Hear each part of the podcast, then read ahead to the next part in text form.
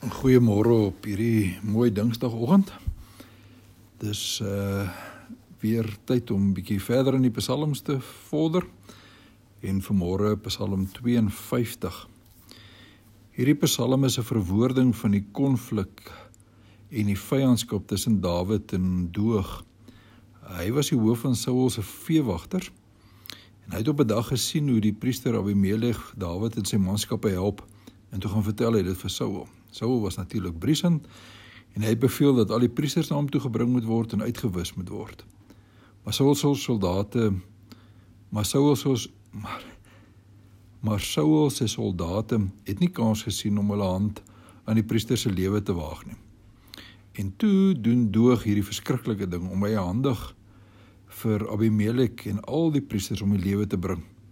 'n Hele familie van 85 priesters. En vanweë hierdie daad was Doeg en Dawid lewenslange vyande gewees. Nou uh, as ons na die Psalm self kyk, dan kan die Psalm in 3 dele verdeel word. Vers 3 tot 6 vertel van die slegte dade van Doeg wat veroordeel word. Dawid kontrasteer die aksies van Doeg om homself, sy invloed en sy magsfeer uit te brei deur ander se ondergang te bewerk en met bedrog en met leuns om te gaan met die van God wat sorg vir die wat hom daarvoor vertrou.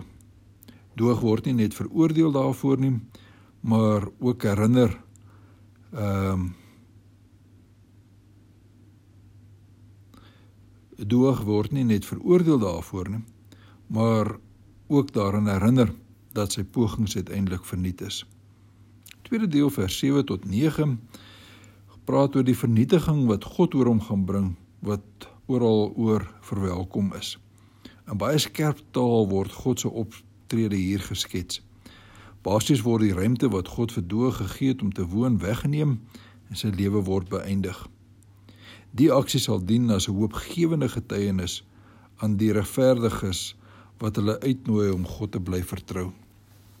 Die poging om onafhanklik van God ryk en sterk te word, slaag net nooit in die finale instansie nie. En dan die laaste paar verse wat praat oor die sorg en die goedheid van God wat dan weer deur Dawid verheerlik word. Dawid kontrasteer sy eie lewe met die van Doeg. Dawid sê hy kan altyd op God se sorg en goedheid staat maak. Daarvoor sal hy God altyd loof ook in die vergadering van die gelowiges. Nou hierdie Psalm herinner dus elkeen van ons wat maar iewers al onder die gemeenheid van ander mense moes deurloop dat die laaste sê oor enigiemand se lewe van God afkom. God se sorg en God se goedheid hou 'n mens in stand selfs wanneer dit lyk of die boosheid wil seëvier soos wat dit baie duidelik ook in hierdie Psalm die geval is.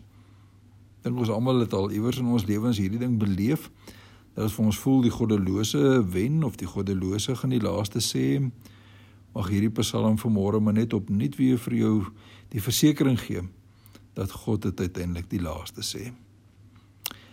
'n baie mooi dag vir jou en 'n baie mooi week verder. Ja, miskien moet ek hom ook net sê, dis nou die laaste vir eers.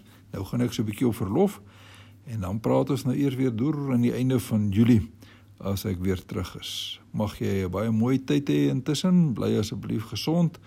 En as hierdie ou COVID ook iewers in jou huis moet instap, hanteer hom met die grootste versigtigheid en uh, mag die Here vir jou elkeen wat na hierdie en mag die Here sy groot en ryke genade oor jou uitstort.